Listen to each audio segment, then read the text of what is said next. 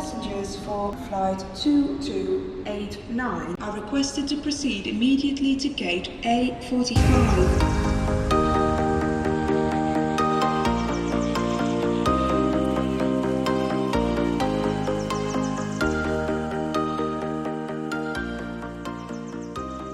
Hey daar, welkom bij een gloednieuwe Reis de Brei Travel Podcast. De voorbije weken blikten we al terug naar de beginjaren van Reis de Brei en dan vertelde ik jullie meer over de reizen die ik maakte in 2016 en 2017. En nu, een van die speerpunten was toch wel mijn eerste backpacktrip naar Zuidoost-Azië, Thailand. Ik ben er een beetje mijn hart verloren en in deze podcastaflevering neem ik jullie graag mee uh, op pad door Thailand. En wil ik natuurlijk ook uh, al mijn ervaringen met jullie gaan delen. Het was voor mij een fantastische reis. Het was mijn eerste keer zo ver weg, helemaal alleen met mijn backpack. En dat heeft heel wat uh, herinneringen nagelaten en heel wat positieve herinneringen ook. Dus uh, ik hoop dat het in deze podcast natuurlijk mooi tot zijn recht mag komen. Ja, het begon eigenlijk aan het einde van de zomervakantie van 2017. En ja, ik ehm, had mijn rugzak gemaakt en ik was eigenlijk klaar om bijna voor een volledige maand naar Thailand te trekken. Nu, alleen naar de luchthaven gaan en daar alleen staan en beginnen aan een maand waarvan je eigenlijk niet zeker weet hoe die maand gaat lopen, is toch wel best uh, spannend. En dat gaf mij ook wel zo'n gevoel van, ja, vrijheid, vrij zijn, kunnen doen en niet weten wat er op jouw pad gaat komen. En ja, net dat gevoel vond ik toch wel, uh, toch wel heel fijn. Tot ik dan uiteindelijk ja, het vliegtuig opstapte en gewoon eigenlijk uitkeek naar wat er mij op mij af zou komen. Ik uh, vloog met Thai Airways. was uh, echt mijn eerste keer in zo'n uh, ja, bijzondere vliegtuig eigenlijk. Ik vond het een hele bijzondere ervaring om met Thai Airways te vliegen, omdat het boordpersoneel bijvoorbeeld, die droeg eigenlijk om de zoveel uur een andere outfit. En dat gaf echt al zo een Thailand gevoel. Um, zo hele mooie verzorgde outfits. En dat, maakte het gewoon echt af. Het was ook een directe vlucht, dus ik vloog eigenlijk op 12 uur van Brussel naar Bangkok. En ja, we vlogen eigenlijk gewoon de nacht door. Dus ik vertrok ergens uh, op een zondag en dan kwam ik uh, op een maandagochtend uh, om rond 4, 5 uur toe in Bangkok. En ja, toen begon het eigenlijk allemaal. Het moet ongeveer vier uur s ochtends geweest zijn wanneer ik toekwam op de luchthaven van Bangkok. Um, ja, ik had niet veel geslapen, dus ik was eigenlijk een beetje op zoek naar hoe geraak ik in de stad. En waarschijnlijk ook omdat ik nog niet zo goed wakker was, ging dat ook niet super vlot. Um, ja, ik ging naar het treinstation en ik was van plan om met de trein naar de stad te gaan. En zo gezegd, zo gedaan, je raakt vrij makkelijk van op de luchthaven van Bangkok in de stad. Maar um, vanaf ik in de stad was, ben ik eigenlijk op zoek gegaan naar mijn hostel. Dat had ik al op voorhand geboekt, dus ik wist wel waar ik zou slapen die nacht. Nu, ik had nog geen Thaise simkaart gekocht, dus voor mij was het op zich een beetje moeilijk. Um, ik had een aantal plannetjes afgedrukt en ik wist, hier moet ik er ongeveer afstappen van die trein. Um, maar het was moeilijk om het juiste het hostel te vinden eigenlijk. Ja, dat verliep niet zo vlot. Ik uh, stapte van de trein en ik begon eigenlijk te lopen door Bangkok. En ja, ik liep gewoon naar de verkeerde kant. Maar echt niet voor 100 meter, maar echt wel voor een uur naar de verkeerde kant. En dat heeft toch wel echt, uh, ja, een, denk, een dikke twee uur geduurd tegen, tegen dat ik mijn hostel gevonden had. Maar uh, so far so good. Na het inchecken dan toch uiteindelijk de stad in kunnen gaan. En ja, ik wou eigenlijk een beetje acclimatiseren. En ik wou ook um, een beetje gewenning krijgen aan de stad, aan een nieuwe cultuur. En dat is eigenlijk wel echt um, niet zo makkelijk om meteen te wennen aan het leven in Zuidoost-Azië. Je krijgt zoveel andere prikkels binnen, heel veel andere geuren, heel veel andere geluiden die je misschien niet gewoon bent. En ja, het vraagt wel even tijd om daaraan te kunnen wennen. Nu, ik trok de stad in, helemaal op mijn eentje. En het was fijn. Ik had een plannetje bij. Ik wou een aantal tempels gaan zien. Ik wou het Koninklijk Paleis gaan bezoeken. En dat ging eigenlijk vrij vlot. Tot eigenlijk op het moment ik in het midden van de straat sta en op mijn kaartje aan het kijken ben. Er komt ineens een hele vriendelijke Thai naar mij toegestapt en die begint eigenlijk ja, aan mij te vragen van Oh, you're a tourist! En ja, uiteraard, ik begin dan met die man te praten omdat ik altijd zo'n beetje ja, vertrouwen heb meteen in andere mensen. En hij zei van, ja, ehm, ja, Bangkok is echt een mooie stad en je gaat er zoveel leren kennen en zoveel uh, leren zien. Ehm, heb je een pen bij? En uiteraard geef ik hem meteen mijn pen en zijn we eigenlijk een kort gesprekje aan het hebben, waardoor er blijkbaar niet al te toevallig ineens een tuk-tuk stopt. En een tuk-tuk dat is zo'n soort van ja, Thais vervoermiddel. En een klein ja, wagentje eigenlijk dat volledig open is langs de zijkanten. Je zal het wel al uh, ooit eens gezien hebben. En dat wagentje stopt en die Thai die begint natuurlijk met die andere man te praten. En hij zegt van, kijk, voor 20 bad, 1 euro of zo, kan je eigenlijk heel de stad zien en hij gaat jou alle plekken tonen. En ik denk van, ja, goed, natuurlijk, dat is echt heel weinig geld en ik kan er heel wat fijne plekken mee gaan bezichtigen.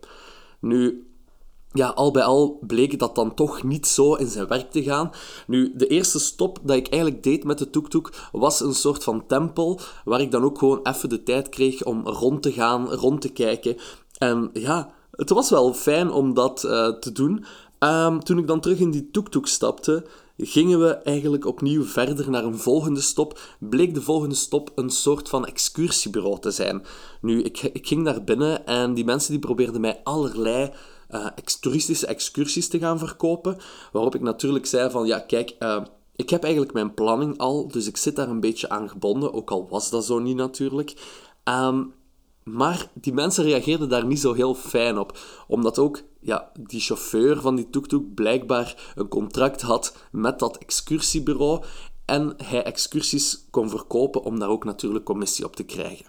Nu, ja, die mensen waren niet zo happy omdat ik geen excursie wou kopen, hebben mij eigenlijk vrij kordaat terug op straat gezet, terug in de tuk-tuk. De volgende stop was opnieuw een tempel en de tempel daarna, uh, de stop daarna liever, was een tankstation, juist.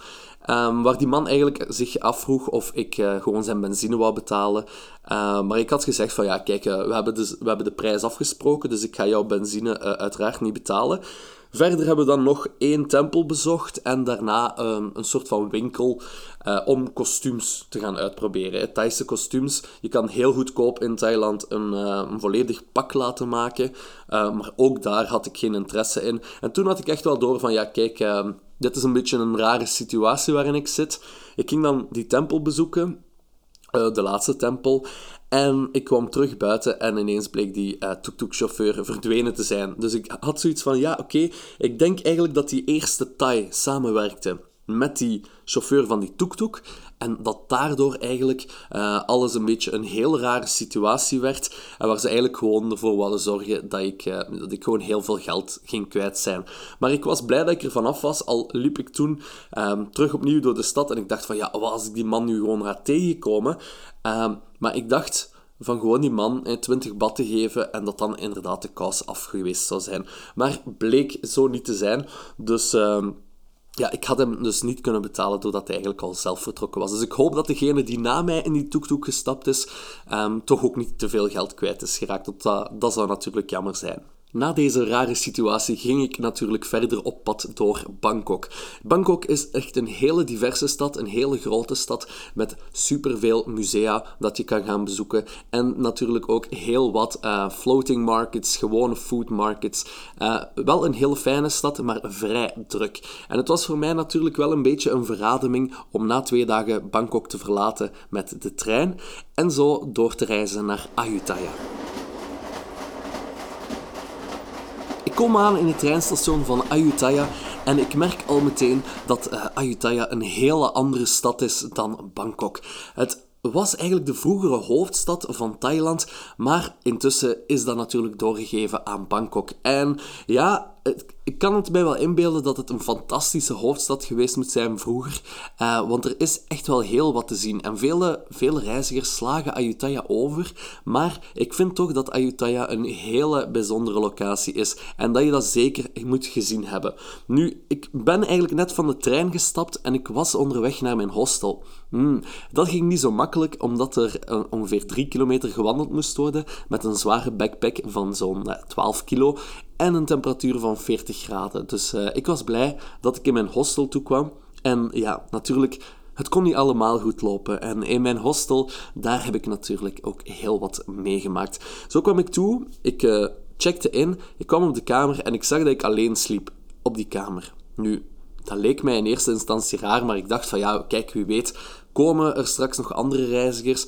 Het is misschien laagseizoen, dus dat is misschien de reden waarom er uh, weinig reizigers zijn. Dus ja, ik verfris me een beetje, ik ga ondertussen uit eten, ik kom terug in het hostel en ik merk nog steeds dat de kamer leeg is, buiten mijn spullen na. Dus vrij bijzondere ervaring om in een leeg hostel te zitten.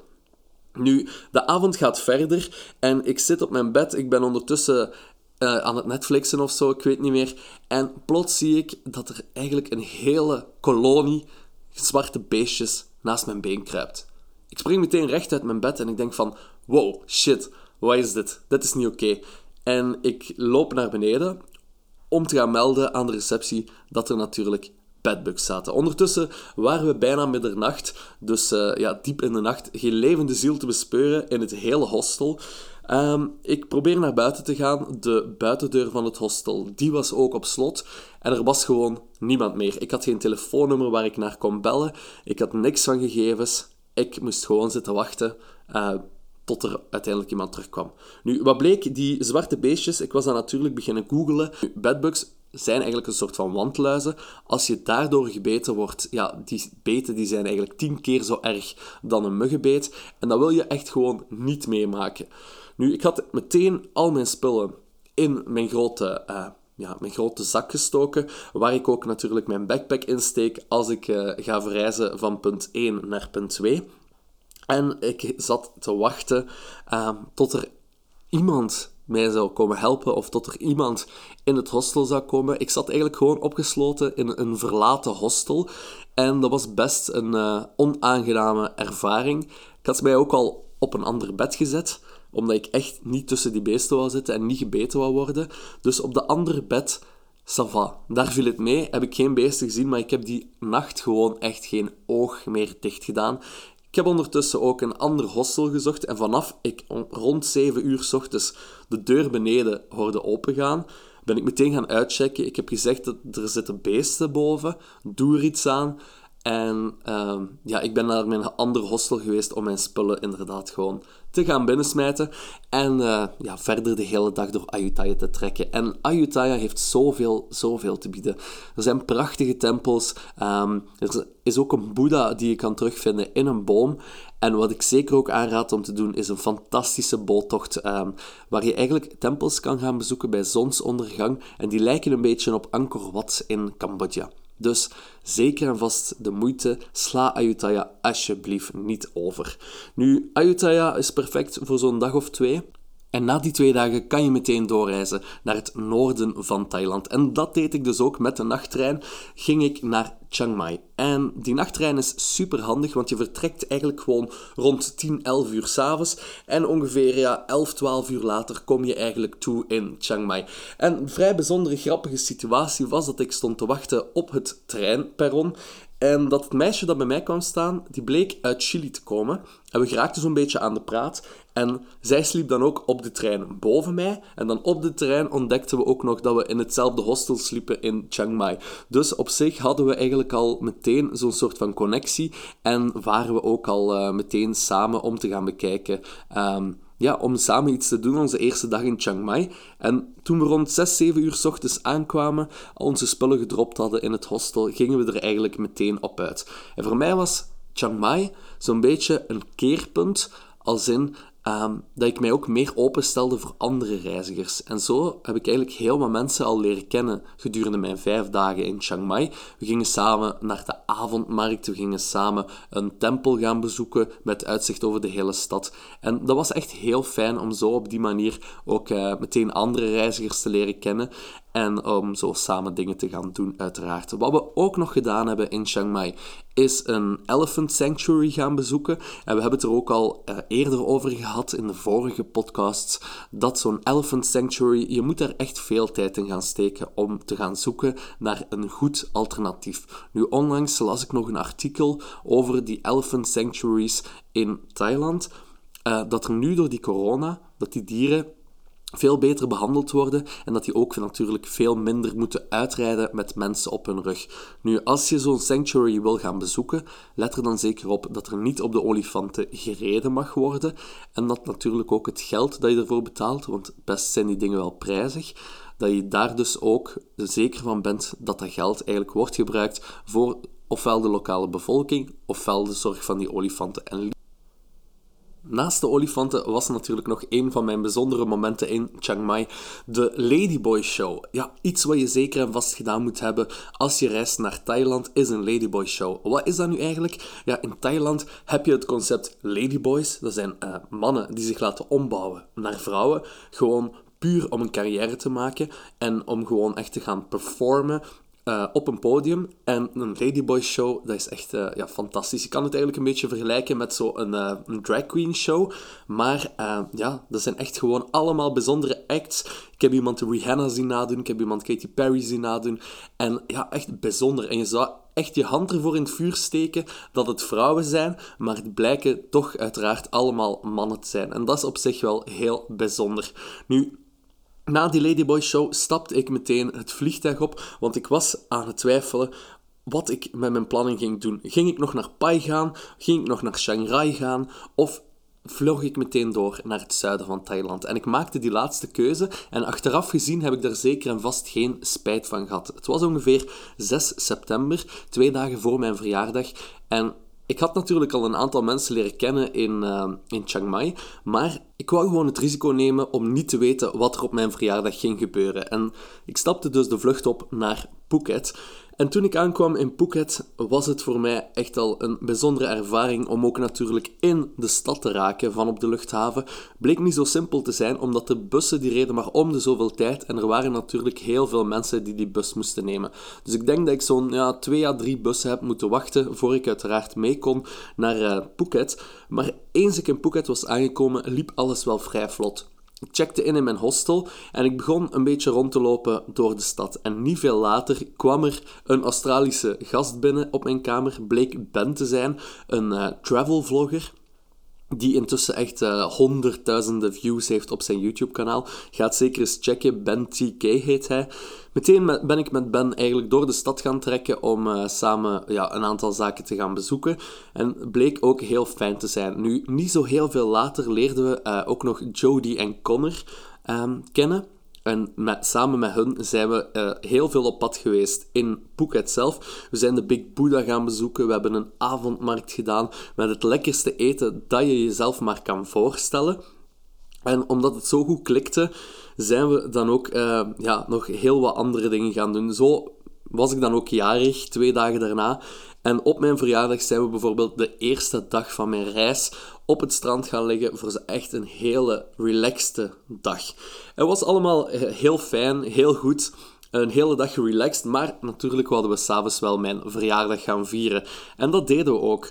We gingen naar Patong en Patong Beach. Dat was dus de ja, een beetje het Ibiza van Thailand. Een hele grote straat vol met bars, clubs, discotheken. Echt heel fijn om te doen, gewoon s'avonds. Overdag zou je een beetje denken dat je toch wel in een marginale streek zit. Maar uh, s'avonds wel heel fijn. Als je een paar pinten binnen hebt, een paar, uh, paar changbiertjes, dan uh, gaat het allemaal vrij goed. Natuurlijk kan een avond niet altijd helemaal goed gaan. En dat was uh, tijdens onze reis door uh, Phuket was dat natuurlijk ook het geval. We waren eigenlijk mijn verjaardag aan het vieren. We waren iets gaan eten in Patong. Het was allemaal heel gezellig. En toen gingen de mannen eigenlijk iets organiseren voor mijn verjaardag. Nu, ik had me nog niet echt geout, dus ze konden het ook nog niet echt weten um, dat ik niet zo geïnteresseerd was in het vrouwelijke lichaam en die hele boel. Maar de mannen wouden dus speciaal voor mij naar een pingpongshow gaan. Nu, een pingpongshow, dat is eigenlijk ook een, uh, een van de grootste Um, ja, topics in Thailand, het sekstoerisme natuurlijk. En heel wat mannen gaan naar een pingpongshow kijken. Nu, wat is een pingpongshow? Dat is eigenlijk een show waar vrouwen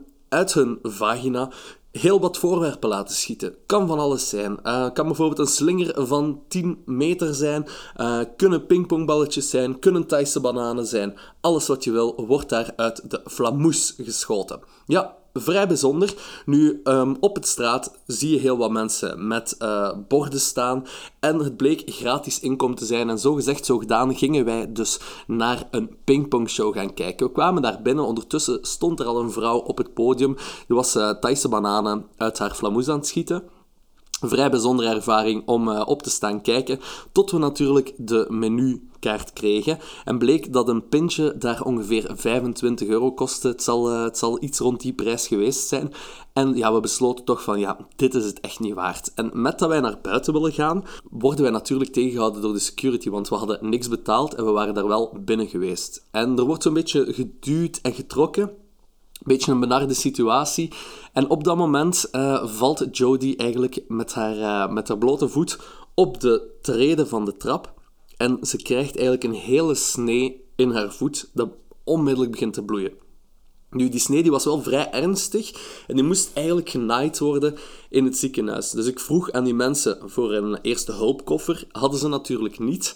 Um, een vrouw neemt mijn hand vast, loopt met mij naar een apotheek en zegt van ja, hier kan je alles kopen, dus uh, doe maar, ga maar, uh, ga maar aan de slag.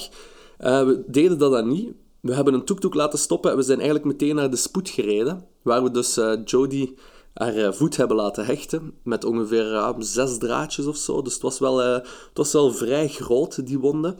En ja, so far so good was natuurlijk ja, alles in orde uiteindelijk. Voet was gehecht, we gingen terug naar het hostel. En daar bleek dan ook nog eens dat de mensen van het hostel het hele hostel versierd hadden voor mij.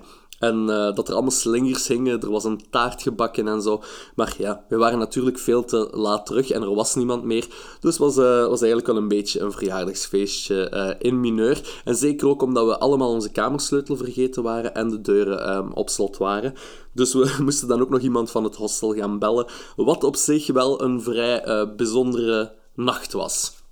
Ja, en dan na die speciale nacht hadden we besloten om samen de boot te nemen een boottocht van zo'n ja, een uur of zes, denk ik, naar de Fifi-eilanden. Ja, en de Fifi-eilanden, dat is een uh, bijzondere eilandengroep waar wij sliepen vlak aan de zee in een huisje.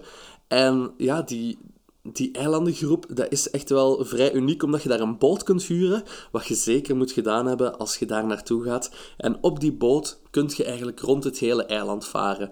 En dan kom je bijvoorbeeld voorbij Maya Beach. En Maya Beach, daar is de film The Beach opgenomen met Leonardo DiCaprio, wat op zich uh, zeker en vast uniek is. Maar als je echt op het strand zelf wilt, dan moet je inkomen betalen. Zelfs bij Kofifi moet je ook inkomen betalen om zo'n beetje de lokale economie te steunen is niet veel hoor, maar toch, het wordt een beetje van een mooi eiland omgevormd naar een pretpark. En dat is misschien een beetje jammer dat dat daar gebeurt in het zuiden van Thailand, maar al bij al is Koh Phi zeker en vast de moeite. Er worden s'avonds heel wat feestjes georganiseerd op het strand. We hebben daar zo een uh, blacklight party gehad. Was heel fijn. Iedereen krijgt zo van die um, fluoriserende verf op zich onder de blacklights. Geeft dat natuurlijk een heel mooi effect. En we hebben daar echt gefeest tot de zon opkwam. Uh, was echt heel fijn, heel bijzonder. En ja, daarna na Kofifi zijn we natuurlijk verder gereisd. Ook nog altijd samen met onszelfde groepje. Ondertussen was er nog een Brit bijgekomen. En uh, ja, was het een hele fijne setting om samen door te reizen naar Krabi. Waar dan een deel van de groep onze wegen uh, ging scheiden. Maar ik bleef nog altijd samen met Ben uit Australië. En wij huurden daar scooters. Mijn eerste keer een scooter huren in Thailand. Ik had het uh, iets minder vlot verwacht dan het uiteindelijk wel liep. Maar het is een zeer bijzondere ervaring, omdat er ook aan de linkerkant van de baan moet gereden worden. En dat niet altijd zo evident lijkt. Van hoe neem ik nu een bocht aan de linkerkant in plaats van de rechterkant? En ja, het is toch eventjes zoeken, maar na een half uurtje op de brommer valt dat wel goed mee en uh, raak je daar aan gewend. Nu, we gingen daar een viewpoint bezoeken. En dat viewpoint, dat was wel iets vrij bijzonder, omdat dat in een heel groot park lag. En je moest jezelf eigenlijk aan de inkom registreren als je het park binnenging. En dan ook weer uh, een handtekening zetten als je naar buiten ging. Was je niet voor een bepaald tijdstip terug, dan kwamen ze jou zoeken en moest je natuurlijk een boete betalen. Nu, dat hebben we gelukkig niet gedaan, maar het was wel een van de meest interessante hikes die ik ooit al gedaan had tijdens mijn reizen. En die hike die bracht ons naar zo'n 2 kilometer hoogte ongeveer.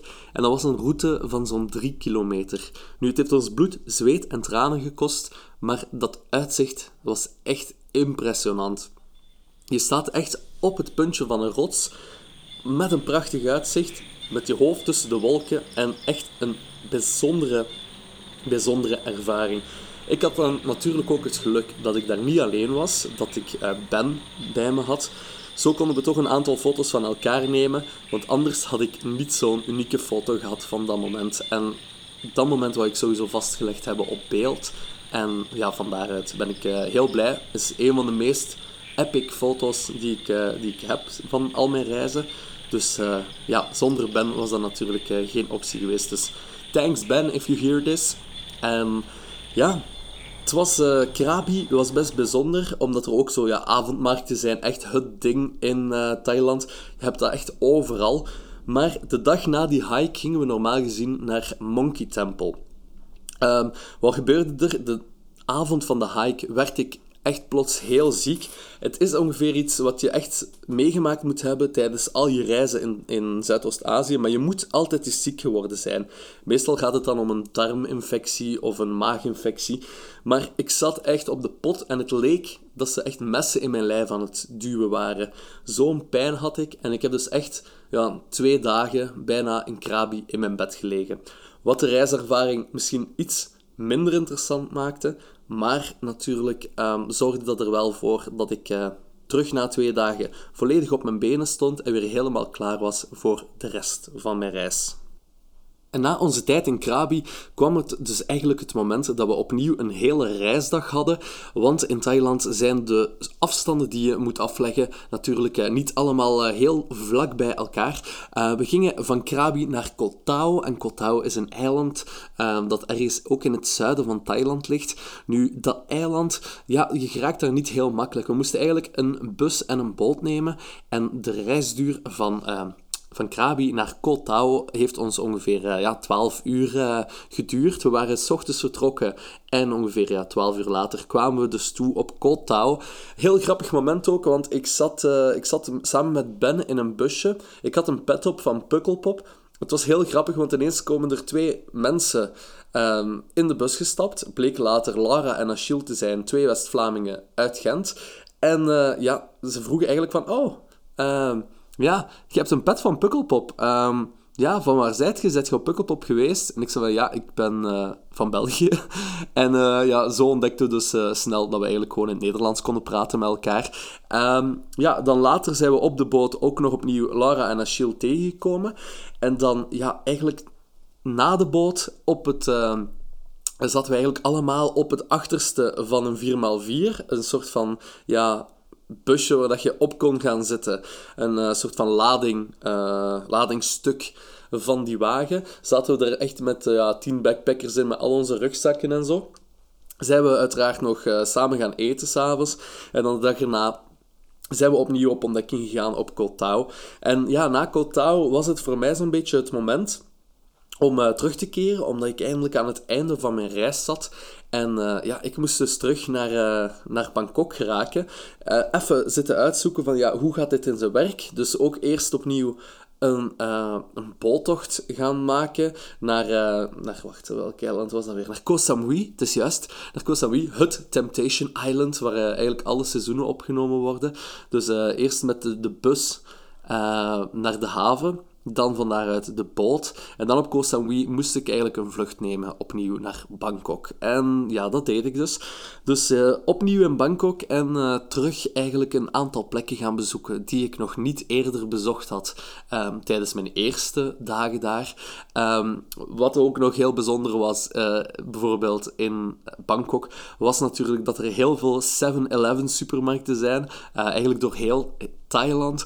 Uh, best ook bijzonder om te zien is dat er, uh, dat er heel veel plastic gebruikt wordt. En zeker ook in die 7-Elevens kan je zo echt alles in het klein kopen.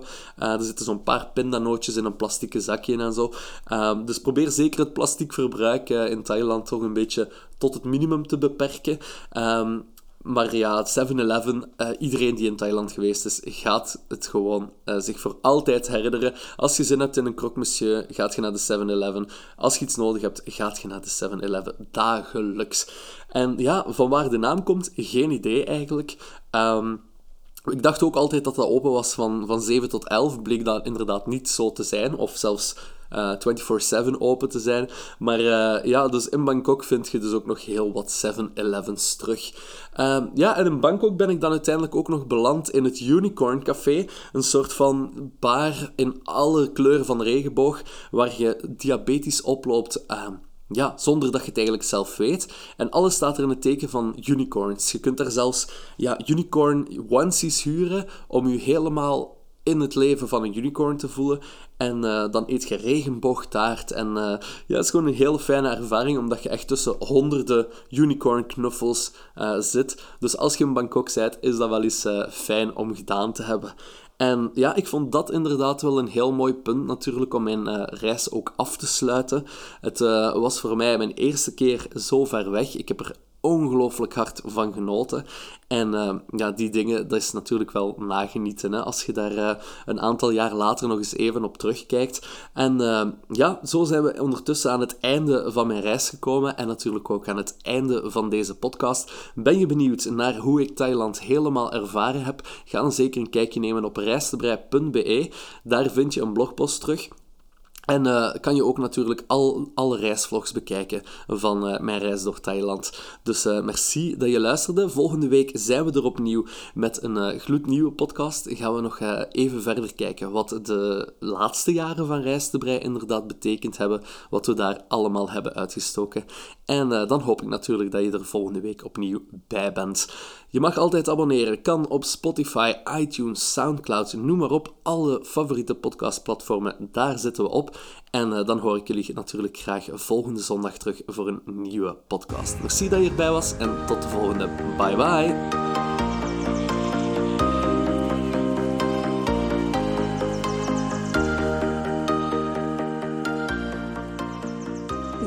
Closing the gate.